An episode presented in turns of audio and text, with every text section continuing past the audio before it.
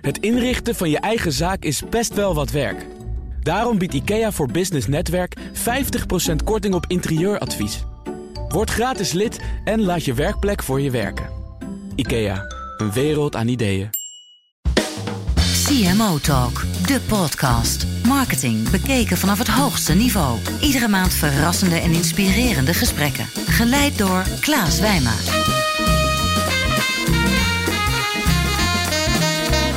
Welkom bij CMO Talk. Mijn naam is Klaas Wijma van Energize. En voor mij zit Frenkel Denis. Voor eh, de meeste trouwe luisteraars is Frenkel bekend. Hij is Category Director Dairy-Based Beverage. Ik, het is bijna een, een hele vol. Nou, hij is in ieder geval een van de drie category directors die verantwoordelijk is bij Friesland Campina voor de global expansions, maar ook nog global verantwoordelijk voor een grote passie van hem, digital marketing. Een bijzonder druk man, want het was wel even, had wel even wat voet in de aarde om deze afspraken te plannen, hè, Frenkel? Echt waar? Ja, nou, nou en, en, en straks vlieg je om acht uur gaat je vlucht. Waar ga je straks naartoe? Ik ga naar Londen. Naar Londen. Oh, dat is wat dichtbij. Niet naar China dit keer. Nee, we zijn in Engeland bezig met de uitrol van een nieuw merk. En het is altijd belangrijk, zeker in de beginfase, om daar dicht op te zitten en te kijken hoe het gaat. En we kijken hoe we het ook het lokale team nog verder kunnen helpen. CMO Talk, aangeboden door Tijdschrift voor Marketing. Discussieer mee op hashtag CMO Talk. Welkom in ieder geval in de, in de studio hier in Amsterdam.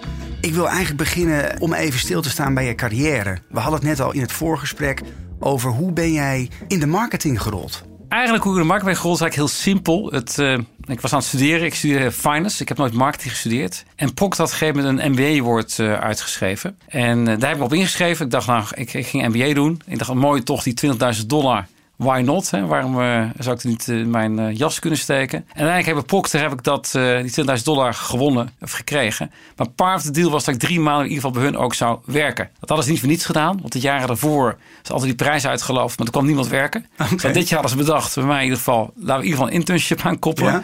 Nou ja, de internship was, dat liep aan beide kanten hartstikke goed. Ik ben eigenlijk nooit meer weggegaan. Zeven jaar die ik daar, of zeven en half jaar die ik daar gezeten heb. Ja, want je vertelde net al in de introductie dat je oorspronkelijk eigenlijk een meer artistieke kant op wilde met je carrière. Ja, toen ik jonger was, uh, ik heb altijd uh, de creatieve kant, zeg maar de filmwereld of filmacademie heel erg geambieerd. Mm -hmm. Ik heb zelf altijd veel op, op muziek gedaan.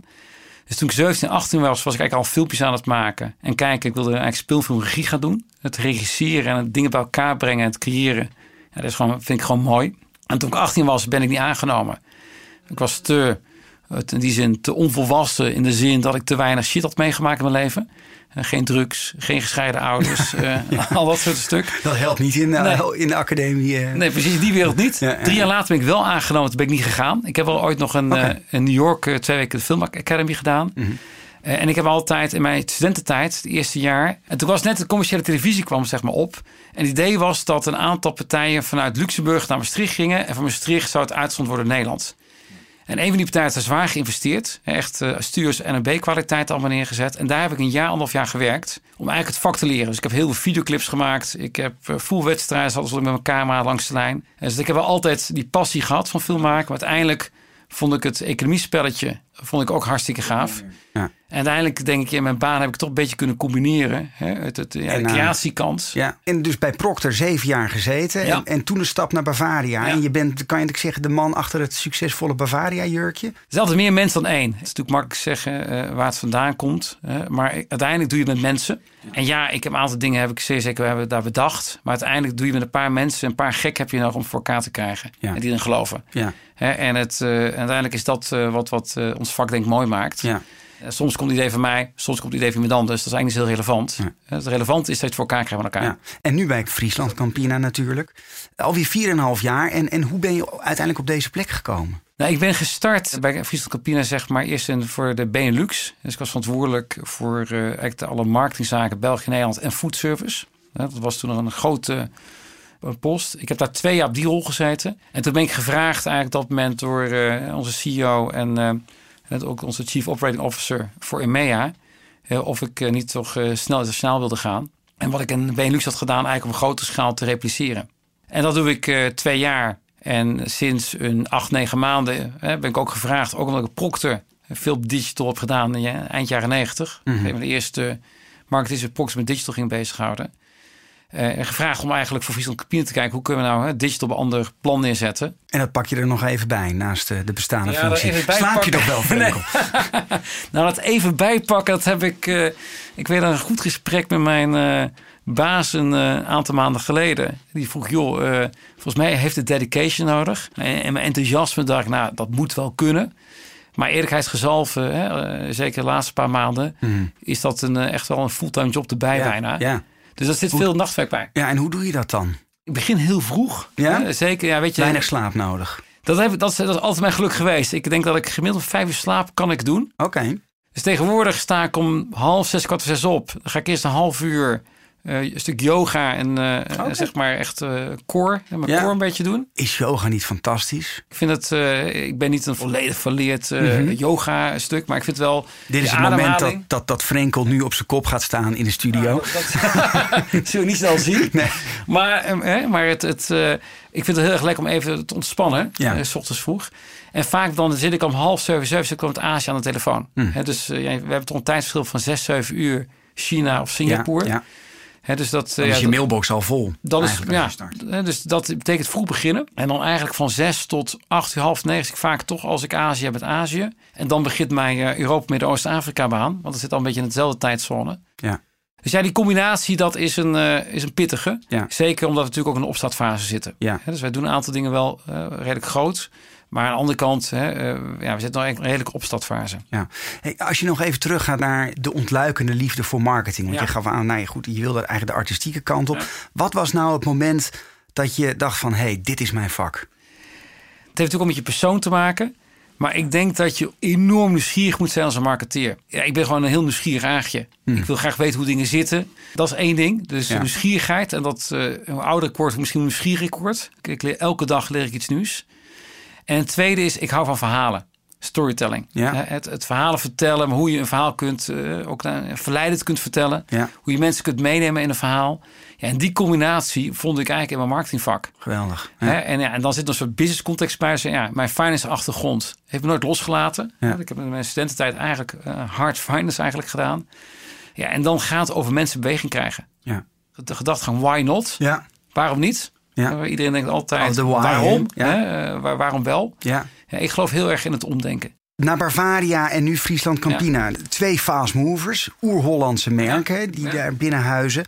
Welke overeenkomsten, maar ook verschillen zie je dus die twee? Nou kijk, de, het zijn beide geen Amerikaanse bedrijven. Ja. Dat, dus de origine is echt Nederlands, een lange geschiedenis. Dat is denk ik een heel mooie overeenkomst. Mhm. Het bestaat lang. Wat ook eh, denk ik een eh, zeer zeker overeenkomst is... het is heeft een stuk familiekarakter. Ja. In uh, Bavaria, de aandeelhouders waren familie. Het was natuurlijk niet beursgenoteerd. De coöperatie ook niet. De aandeelhouder, en dat voel je ook dagelijks... of dus ik voel het regelmatig, zijn de boeren. Ja. Dus je werkt niet voor een beursgenoteerd bedrijf. Dat heeft een andere dynamiek. Ja. Als dat vergelijkt met Procter, heeft dat echt een hele andere dynamiek. Nou, wat zijn dan de verschillen? Als je... Nou, een beurs genoteerd uh, is natuurlijk heel hard, uh, strak op cijfers. Mm -hmm. uh, processen liggen natuurlijk mhm. ook heel vast wanneer je wat moet publiceren. Ja. Wanneer je wat moet opleveren, hè, het stuk. En ik denk dat de Amerikaanse jus, ook een heel andere jus is nog dan de Nederlandse jus. Mm -hmm. He, wat de Amerikanen heel goed in zijn, vind ik, is dat wat wij, ik zeg de Engels enablers, maar de hulpmiddelen klaarstaan. Systemen zijn op orde. Als ik mijn computer ergens inplukte, waar ik bij prokte, alles werkte. Ja, Overwerkte hetzelfde. Ja. De manier om te mogen werken of te kunnen werken zijn perfect op orde. Ja. Nou, Nederlandse bedrijven, hè, Nederlandse cultuur. Of Nederlands wat minder goed geregeld. Is dat veel minder goed geregeld. Hè? Wij, wij vinden op elke keer opnieuw een proces uit. Ja. Hè, het stuk. De proceskant, de mensen zijn niet procesgericht bij dat Amerikaanse bedrijf, maar de processen zijn heel strak geregeld. En dat vind ik een groot verschil als ik kijk naar de algemene Nederlandse bedrijven waar ik dan heb mogen werken of zien. Vaak is dat minder op orde. En als we kijken naar toch even nog weer het verschil hè, tussen Bavaria en, en, en Friesland Campina. Nou, natuurlijk Bavaria bier, nou, dat ligt natuurlijk ook onder vuur, want je wordt er dik van, dat is niet verantwoord. En, en zuivel, nou ja, de melk de witte sloper, hebben we natuurlijk allemaal gelezen. Hoe ga je daar als marketeer nou mee om? Om die perceptie te veranderen. Want perceptie is waarheid, toch? Ja, perceptie is altijd waarheid. En leuk is de waarheid, uh, is de waarheid en is niet de waarheid. De waarheid bestaat niet. Want jouw waarheid is, uh, is die van jou en mijn waarheid kan een andere waarheid zijn. Er bestaat geen absolute definitie volgens mij van waarheid. Het is maar door welke bril je kijkt. Hè, en wat je ook ervaren hebt. Kijk, bij de melkwitte sloper, ja, ik vind altijd heel mooi, uh, het stuk. Eerst pas, ik zie dat heel als een Nederlands fenomeen. Hmm. Hè? Als je gaat zoeken internationaal, vind je iets heel anders. Als ik Italiaan het uitleg, Die kijkt me aan, die zegt... Het is alsof, de Italianen zouden zeggen... dat hun eigen olijfolie niet meer klopt. Of hun eigen pizza's niet meer gezond zijn. Oké. Dus dit, ze begrijpen dus die trots... Van hoe kan het zo zijn dat je eigen, wat toch je, je natuurlijke bron is, Ja. die trots niet hebt. Dat is één.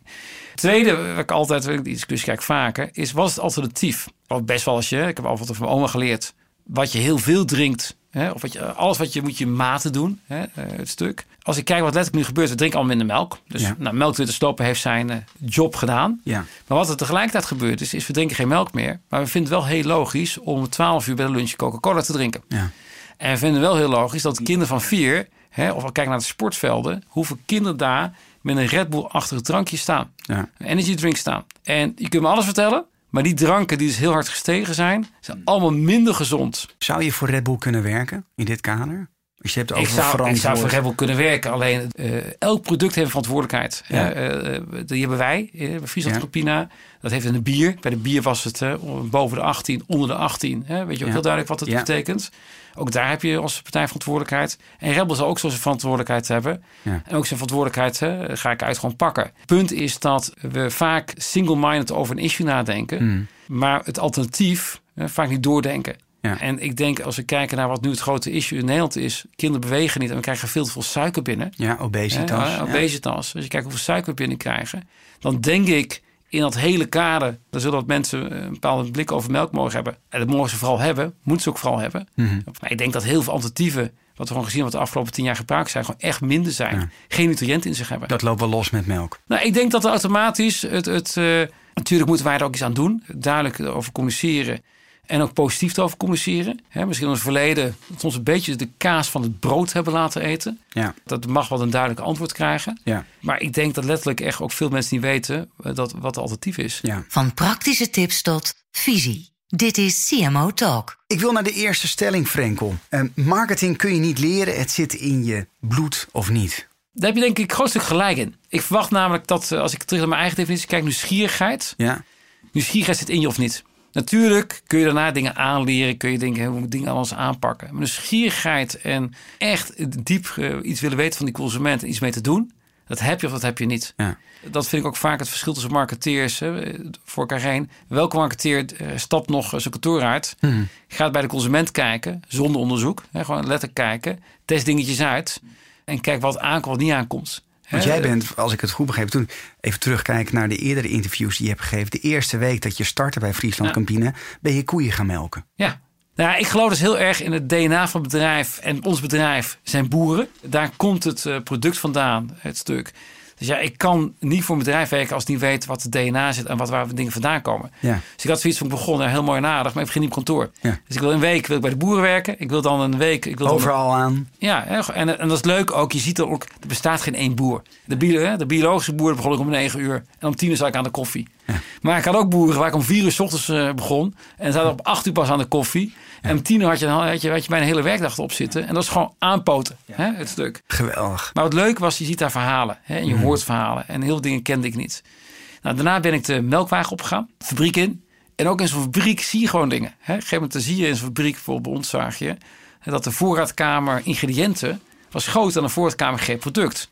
Betekent dat je complexiteit, hè, hoe je zo'n eh, proces managt, heel erg aan het begin van de keten zit. Ja. Nou, hoe meer complexiteit aan het begin van de keten, hoe minder flexibiliteit. Hè? Ja. En vaak dan kun je ook dus Ja. minder differentiëren. Ja. Die twee weken zijn voor mij zo waardevol geweest. Voor eigenlijk voor de rest van die twee jaar dat ik eh, op de Benelux zat. Je gaf net aan dat je weinig slaap nodig hebt. Maar als je slaapt, kan ik me ook wel eens voorstellen dat er af en toe momenten zijn dat je gewoon de slaap niet kan vatten, omdat er zoveel in je hoofd gaat. Lig je s'nachts wel eens weer ergens wakker van? Heel eerlijk gezegd, heel weinig. Dat heeft denk ik te maken dat ik vroeg mijn carrière heb ik ooit een, relatief zware operatie gehad. Ik ben ooit een, tijd eruit geweest. En toen leerde ik, en dat, was, dat vond ik helemaal niet gaaf toen die tijd, dat alles doorgaat. Je bent, ik zat in het tweede jaar bij Procter. Ja. Nou, dan denk je, je bent jong, je bent onmisbaar. Hè. Ik eruit, dat gaat fout. Ja. En eigenlijk kwam ik erachter, ik was zo misbaar als de neten. Hè. Alles loopt door. Hartstikke leuk, meneer Denis, maar alles loopt gewoon door.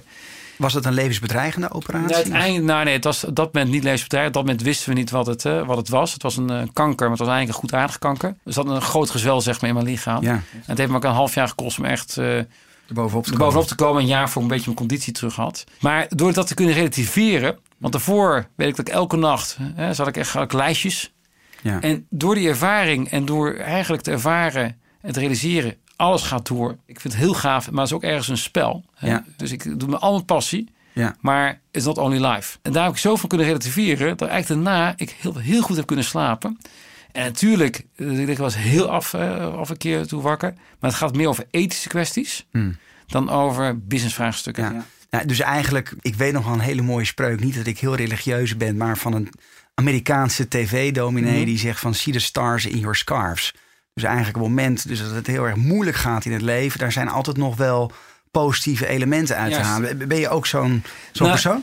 Ik ben heel dat- Positivist? ja, ja, ik ben heel positief. Ja, ja. Dus ik heb dat moment ook meegemaakt voor mezelf als heel blij dat ik mee heb mogen maken. Ja. Ik ben ook goed uitgekomen, weet je, dat scheelt natuurlijk heel erg. In mijn kamer waren ook mensen die niet goed uitgekomen zijn. Dus dat, dat realiseer je ook dat voor sommigen het echt eh, zijn ook overleden. Ja. Dat, dat vond ik een hele eh, ja, confronterende ervaring. ja, het leven is eindig. Ja, dat is eindig. En je bent natuurlijk als je 27 bent. En de een of andere, ik was het hardlopen. En een dag later lig je in het ziekenhuis. Het ziekenhuis is natuurlijk een hele andere wereld. Ja, hè, ja. eh, het stuk. Maar ik ben daar, ik heb vooral kijk op die periode terug van, ik heb het meegemaakt. Maar ik heb vooral, god, het heeft mij heel veel gebracht. Ja. Het heeft mij eigenlijk heel vroeg in mijn carrière heel veel relativeringsvermogen gegeven. Waardoor ik nou, ja, veel meer energie heb gekregen, zeg maar, om ja, de negatieve energie als die zou zitten ook te kunnen uitschakelen. Ja. Dank voor dat persoonlijke verhaal. En ik wil even over je, je team hebben. Want je hebt, Yes. je hebt volgens mij een groot team onder je. Beschrijf voor de luisteraar eens, hoe ziet je team eruit? Nou, mijn huidige team is. eh, Ik werk internationaal. Dan geloof ik ook dat ik een internationaal team nodig heb. Mhm. Dus ik ben eh afgelopen jaar echt bezig geweest om eh, die mensen bij elkaar te zoeken. Dus ik heb een, een Braziliaanse, ik heb een Mexicaan, ik heb twee Chinezen, een Zweed, een Duitse, een Engelse. En dan in mijn team heb ik eigenlijk nog twee Nederlanders. Hè, dus uiteindelijk ons team, hè, we zijn een man of 19. In ieder geval het category team. Nou, digitaal is een, eh, heb ik mensen uit Singapore, Chinezen, Griek, een Nederlander eh, en een Duitser. internationaliteiten. Dus het is echt een, zeg, echt een internationaal Hoe team. houden die boel bij elkaar? En die houden zichzelf bij elkaar. Dus eh, kijk, de, het zijn verschillende persoonlijkheden. Mhm. Het leuke is, hebben allemaal mensen die internationaal gewerkt hebben. Dus ik heb altijd Ja. gezocht naar mensen die ook, weet je, een internationale context begrijpen. Openstaan voor andere Openstaan. Ja. weten hoe je kunt verbinden. Hè, maar ook weten hoe de ja, culturele verschillen werken. Mhm. Hè, een Engelse is niet confronterend hè, en zal nooit zijn emoties gebruiken. Een Griek, zwaar confronterend, zwaar emotioneel, wij zo spreken. Ja, Hè, net als Italianen. ja, de Italianen. Ja. Dus ja, ik heb de heel die mengelmoes bij elkaar. Teamuitjes kunnen wel eens explosief zijn. Oh, mooi. maar explosief in de zin van eh, hoe op dingen gereageerd wordt. Niet op wat we willen bereiken in de business. Hè, Hmm. Dus de, ik geloof heel erg in dezelfde mindset wat we willen bereiken. En, ik probeer mensen bij elkaar te vinden die niet in arrogantie denken. Nee. Maar die veel bezig zijn, gaaf vinden om iets neer te zetten. Frenkel, heb je een bepaalde of een paar gouden regels wat jij geleerd hebt in het managen van zo'n internationaal team? En het motiveren, met name het motiveren van je team? het begint natuurlijk dat mensen de motivatie zelf hebben. Wat ik probeer te doen is, ik zie mezelf niet als baasje van. Hè, is ik positioneer me, en daar heb ik het elkaar over. Ik probeer echt de devil's advocate rol te spelen. hè, en daar ook te gebruiken. En een van de dingen die ik op mensen uitleg, hè, dus tijd nodig mij te leren kennen, is, joh, eh, gebruik mij wat voor jou uiteindelijk het beste uitkomt. En dat, hè, je geeft me aan, moet ik nou Devil Advocate rol spelen of wil je me nu als coach hebben? Maar dat is iets wat ik probeer te doen. Dus heel erg, wat heb jij nodig? En dan probeer ik daar mij op eh, aan te sluiten. Ja. En dan vaak voor hun, ik zie mijn rol ook om dingen, de barrières van hun weg te halen. Eigenlijk moeten je de medewerkers mogelijk maken, of mijn teammensen mogelijk maken, om hun prestaties zo optimaal mogelijk te laten groeien. En een tweede principe wat ik heel erg geloof, ik geloof echt in mensen.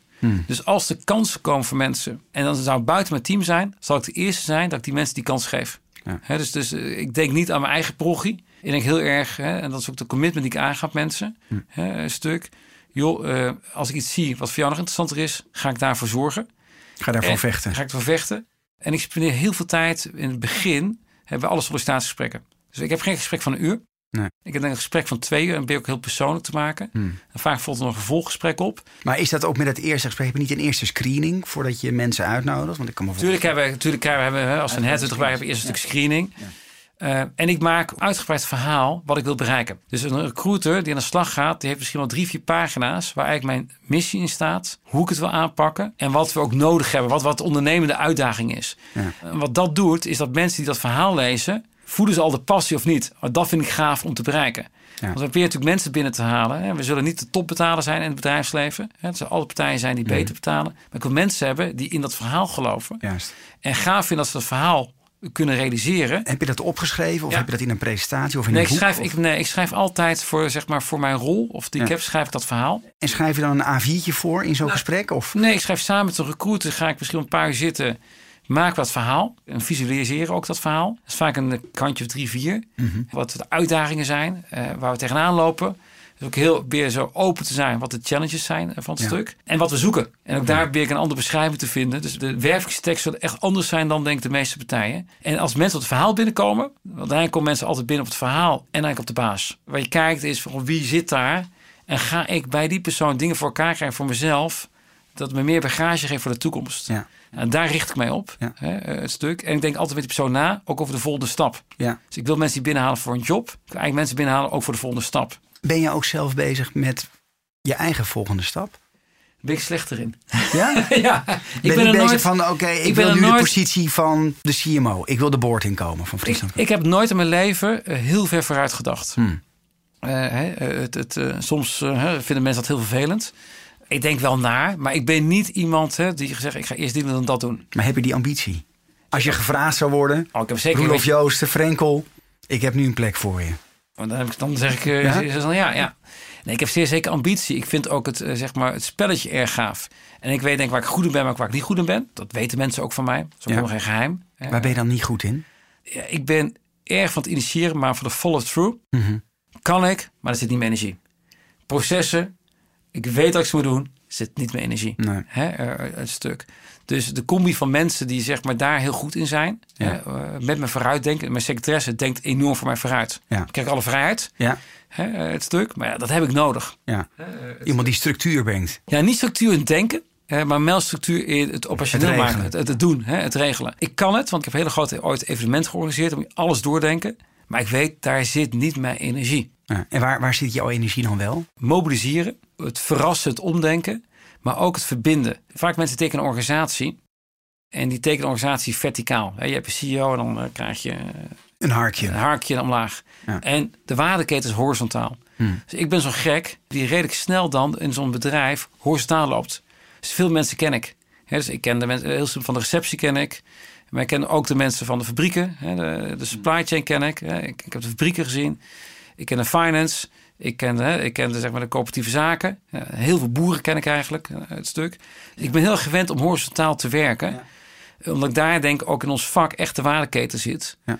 Eh, en minder verticaal. Van praktische tips tot visie. Dit is CMO Talk. Ik wil naar de tweede stelling. PowerPoint zou verboden moeten worden voor marketeers. Ja. Hele goede stelling. Eens? ja. De PowerPoint-fabriek eh, die ik af en toe zie is eh Ook bij Friesland Campina? over Friesland Campina. Ja. Ja. Ja. Borstcrollen door PowerPoint. Ja. Niet aan jou besteed. je moet soms zit je erin en Ja. dan, dan, dan trap je er zelf op. Ja. Hè? Eh, kijk, ik ben... Ik zag namelijk op jouw kantoor, Ja. ga ik toch stiekem zeggen, zag ik toch wat slides op, Ja, de, op, de, ja. op de muur hangen. Ja, dat zag je zeer zeker. Ja. En dan, als ik ook weer ook goed ge- gekeken heb nog, dan, dan is ook nog de kunst. Kijk, de kunst is om een complex verhaal heel simpel te maken. Hmm. Eh, dat vind ik de uitdaging. Hoe kun je nou iets eh, eh, ja, wat complex is tot eigenlijk tot de kern simpel zien te Hoe krijgen? doe je dat dan? Dat is best hard denken. Tastbaar maken. De meeste dingen, zeker PowerPoint, ik ga een paar voorbeelden geven. Vaak worden getallen genoemd. Hè? Het is heel makkelijk om een miljoen euro neer te schrijven. Maar niemand weet betekent eigenlijk wat een miljoen euro betekent. Ja. We hebben eens een keer in mijn vorige job de grap gehad. We, we, we hadden oude stock situatie voor 20.000 euro per, per week per, per winkel. Ja, hoe gaaf zou dan zijn een koffer met geld in te stoppen. Naar de klant toe te gaan. En die koffer met 20.000 euro aan die klant te overhandigen. En zeggen, luister, dit mis je. Tel maar na. Dan, Ja, is dan dat, komt hij binnen. Dan komt hij binnen. Ja. Hè, dus zelfs als je met eh, salesmensen Heb je dat gaat- gedaan ook? Nou, we hebben het anders gedaan, vergelijkbaar, eh, het stuk. We moesten op een gegeven moment eh, koelkasten plaatsen. Dat is ons plan. Hè. We hadden een bierwereld gekoeld. Nou, eh, we weten dat het omzet oplevert. En dus in die, in die sales eh, eh, op, op, op de winkelvloer, ja, dan kun je, kun je ook een paar slidejes maken. Maar we, hebben het anders aangepakt. Letterlijk in de winkelvloer. Hè. Nou, Je gaat naar de, de, de grote de directeur van die winkel. En je begint met de portemonnee te trekken. En je, je geeft hem 300 euro. En die man zegt, waar krijg je 300 euro van? Ja, nou, dat is wat jij elke week eh, mist. En eigenlijk bijna al dubbele hè, door geen koelkast te hebben. Zeg, mag voor jou de koelkast eh, neerzetten hier eh, de komende week? En dan gaan we volgende week kijken, of twee weken, wat het opgebracht heeft. Juist. En Als het uh, niks opgebracht krijgt mij nog 300 euro extra. Ja. En als het wel uh, opgebracht heeft, joh, dan, uh, dan, dan heb je 300 euro. Dat? dat werkt natuurlijk als een tierenlie, omdat ja. je eigenlijk alle barrières in geloofwaardigheid ja. meteen neerlegt. Put your money where your mouth is. Exactly. Ja. En dat denken, Mooi. tastbaar maken, daar, ja, daar geloof ik heilig in. Ja, waanzinnig. Mooi voorbeeld. In je carrière, je maakt ups en downs mee. En ik ben met name geïnteresseerd in dat moment. Misschien zou je die voor me kunnen beschrijven. Wanneer ben je het hardst gevallen? En toen ook weer opgestaan. En wat heb je ervan geleerd? Nou, ik heb een paar keer. Ik ben sowieso, ik geloof, je moet zeven keer vallen, acht keer opstaan. Als ik vond, als ik misschien wat moeilijke momenten vond. Ik vond weggaan bij Procter vond ik heel moeilijk. Mm, waarom? Uh, nou ja, je zit in een bepaalde flow. Mm. Professionele mensen. Procter belonen gewoon goed. Een beetje mm. het gouden ketting. De golden Overstap cage. naar een familiebedrijf. Dat veel minder georganiseerd is. Ja, is echt zwart-wit. Mm. En ik kwam binnen en ik moest mijn eerste dagen. Uh, niks lag klaar, geen computer. Al mijn Engelse woorden afleren die ik uh, had. Ja, ja. Dus dan begint, dan realiseer je echt wel een cold shower. Het voordeel is altijd geweest dat ik me daar een beetje voorbereid heb. Die perfecte Amerikaan, hoe die het allemaal ja, procesmatig goed regelt. Ja. Maar die eerste ervaring voor mij van de koude douche daar. Ja. Bij Procter, toen ik besloten heb, toen ik na mijn ziekte, zeg maar, of, toen ik de, de tijd eruit, ben ik heel toevallig gewijs op digital gekomen. Want, Mhm. uh, ik, ik ben even uit toen de bus is geweest. Ja. En toen zei joh Frenkel, een beetje op profiel kijken, waarom ga je digital niet doen? Ja. En ik denk in het familiebedrijf op het begin, ja weet je, uh, ja, ik kwam vanuit een denkschool. En niet vanuit een hoeschool. De Myers-Briggs typologie, heb ik niet mensen kennen. Maar je hebt dan de thinking en de feelers. Ja. Nou, Procter is een thinking organisatie. Ja. Nou, een familiebedrijf was echt een feeling organisatie. En Bavaria. ja, en, uh, het, gaat- het- Familiebedrijf, gewoon doen. ja, gewoon doen. En, en, het, en het veel maar hoe je het vertelt, eh, het verhaal. Nou, dat merk je in het begin natuurlijk. Dat ja, ik, was, uh, ik, zat, ik zat iets anders in. Ja. Dus daar heb ik zeer zeker een paar keer met deksel op mijn neus gekregen. Maar uiteindelijk, uh, dat vallen, ja, uiteindelijk zijn die valmomenten zijn misschien wel de meest rijke momenten. Ja. En ik reken niemand af mijn fout. Ja, dat, dat roep ik ook, uh, ik ook hard te roepen. Ook vooral na te leven. Ja. Je, je kunt niet alles uitdokteren. Nee. Alles van tevoren bepalen. Het loopt altijd anders. Ja. Er, er is no straight line. Hey, het fouten maken, is dat alleen intern of werk je ook zo met je bureaus? Ja, dan zou je mijn bureaus moeten vragen. Ja. Ik kan enorm blij worden als iets goed gaat. En als het fout gaat, ben ik ook enorm omgekeerd. Ja. Maar vooral vanuit het gedachtegang om uh, beter te worden. Dus ik geloof niet, dus ik geef feedback on the spot. Ja. En ik geef niet feedback naar ja, jongen, het werkt niet. We gaan toch iets anders De doen. conceptpresentatie meteen, bam. Ja. Dit is mijn gevoel. Ja, uh, en dat werkt niet alleen mijn gevoel, maar ook eerst, maar wel eerst mijn intuïtie te gebruiken na de logica. Nou, Frank Hoebe heeft ooit hier in de studio gezegd van ik doe de kippenveltest. Dus ik, ik Ja. ga letterlijk mijn arm opstropen of bij collega's en zie kippenvel, dan weet ik dat ik goed zit. Ja, Heb ik jij- denk dat ook het, zoiets? Ik doe niet zo'n test. Wat ik wel doe, is ik probeer eigenlijk op het moment dat gepresenteerd wordt, luister ik, maar kijk naar de reacties in de kamer. Dus ik probeer te observeren wat er gebeurt. En dan zie je vaak binnen ja, toch een twee minuten zie je, dit is spot on Ja. en niet. Hè? En ik denk dat dat de kunst is. Dus als je een huis zoekt, je weet binnen een seconde of, Of tien seconden, huis klopt. Daarna pas ga je rationaliseren. Wacht even, hier moet de badkamer bij of ik heb een kamer minder. En dat huis is nooit volgens briefing. Nee. Er dingen bijkwamen die je niet bedacht had van tevoren. Even naar die bureaurelatie. Vind ik toch wel interessant, want je werkt met bureaus. Maar hoe ziet voor jou die ideale relatie met een bureau eruit?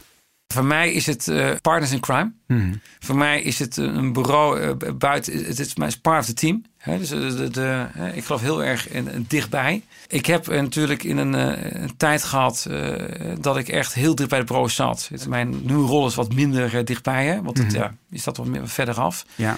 Maar ik, in die tijd heb ik altijd heel direct bij- met bureaus gewerkt. Rechts met creatief. Hè, zoals ik even aan voorwaarden. Ik had rechts met de creatief kunnen schakelen.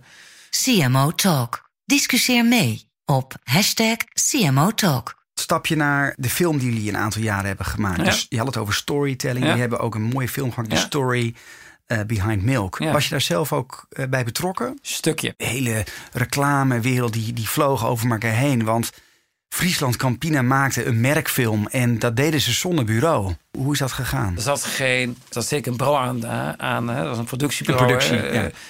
Maar niet een, een reclamebureau. Nee, maar dat gaat veel meer gebeuren. Hè, in, onze hele digitale wereld, kijk, eh, wat, wat we op YouTube kijken, zijn mensen die zelf dingen opnemen. Ja. Dus ik zou zeggen, wend er maar aan vast. Ja, Hè, en doe niet bedreigen, maar ja. dat is gewoon de, de, dat is de huidige realiteit. Ja.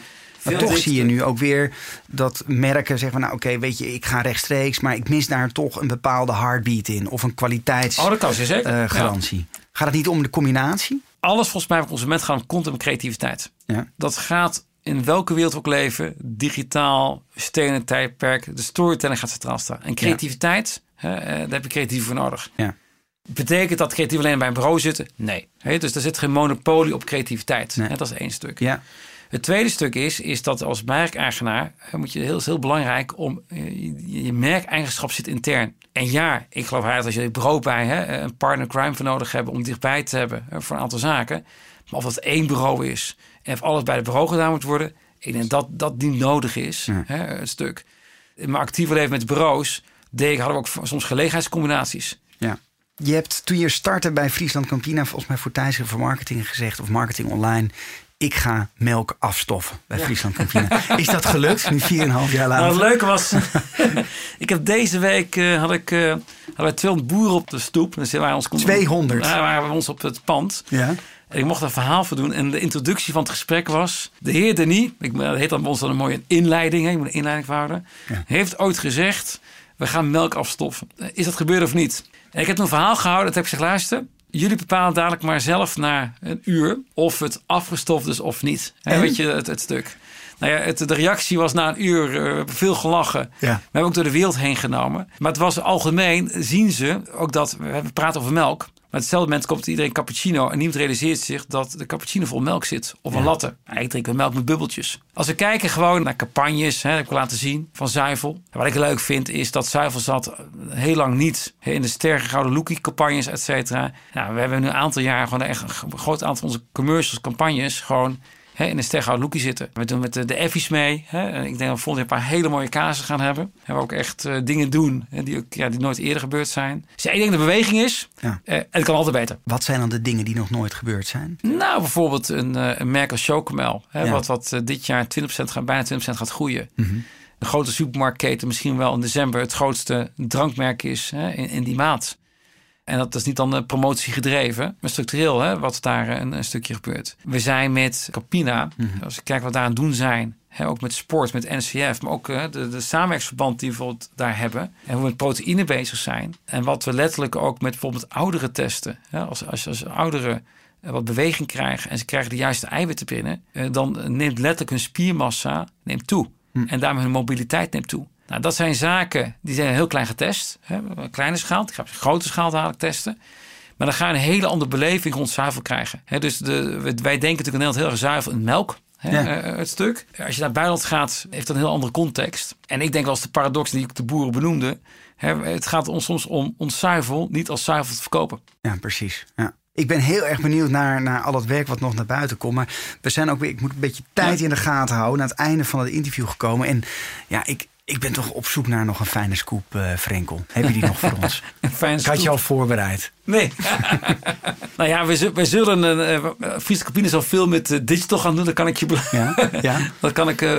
maar je gaat ook iets doen met de container, toch? Binnenkort? En als dit uit... Wil je die, nee, wil je die scoop hebben? Ja. Of je die niet spannend genoeg? Mag ook een andere zijn. Ik, ik vind het heel gaaf om met jonge mensen te werken. Ook met studenten te werken. Dus wij gebruiken ook best wel vaak hè, internationale studenten een van de dingen die we aan het doen zijn, landen waar we niet in zitten, hoe kunnen we daar binnenkomen? En hoe kunnen we ook een hele creatieve manier binnenkomen. Nou, Dus een van de plannen die we hebben, is met een universiteit samen daar een container neer te zetten. En die container zit vol met ons product. En de studenten hebben als taak als eerste die container ergens verkocht te krijgen. Maar ook dan in de winkel, hè, dus prima verkocht te krijgen. In de, in de schappen. In de schappen. En degene dat het eerste lukt, die krijgt dan hè, die waarde van de hele die container van het product, krijgt hij terug in studiebeurs. Oh, geweldig. En wat is de waarde? Nou het, dat hangt een klein beetje af hoe goed te verkopen. Dus die waren, hè, maar als je in een container kijkt, er zitten een paar duizend uh, producten in. Ja. Hè, het stuk, nou, okay. pak een waarde van 2 euro. Ja. Dan hebben we het toch over een aanzienlijk bedrag. Ja. En vooral ook een, ja, een experience by doing. Ja. Maar tegelijkertijd ook een voorbeeld. Ja, hoe kun je toch dingen die soms misschien heel moeilijk lijken, toch voor elkaar krijgen? Ja, mooi. We gaan, het, we gaan het zien.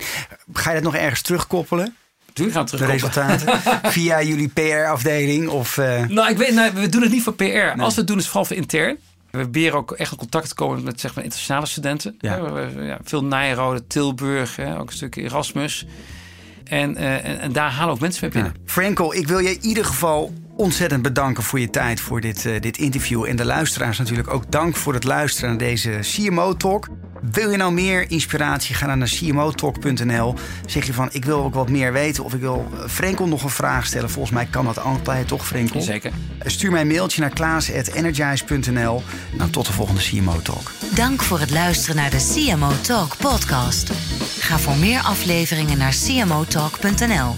CMO Talk wordt aangeboden door Tijdschrift voor Marketing en is ontwikkeld door Energize en voicebooking.com.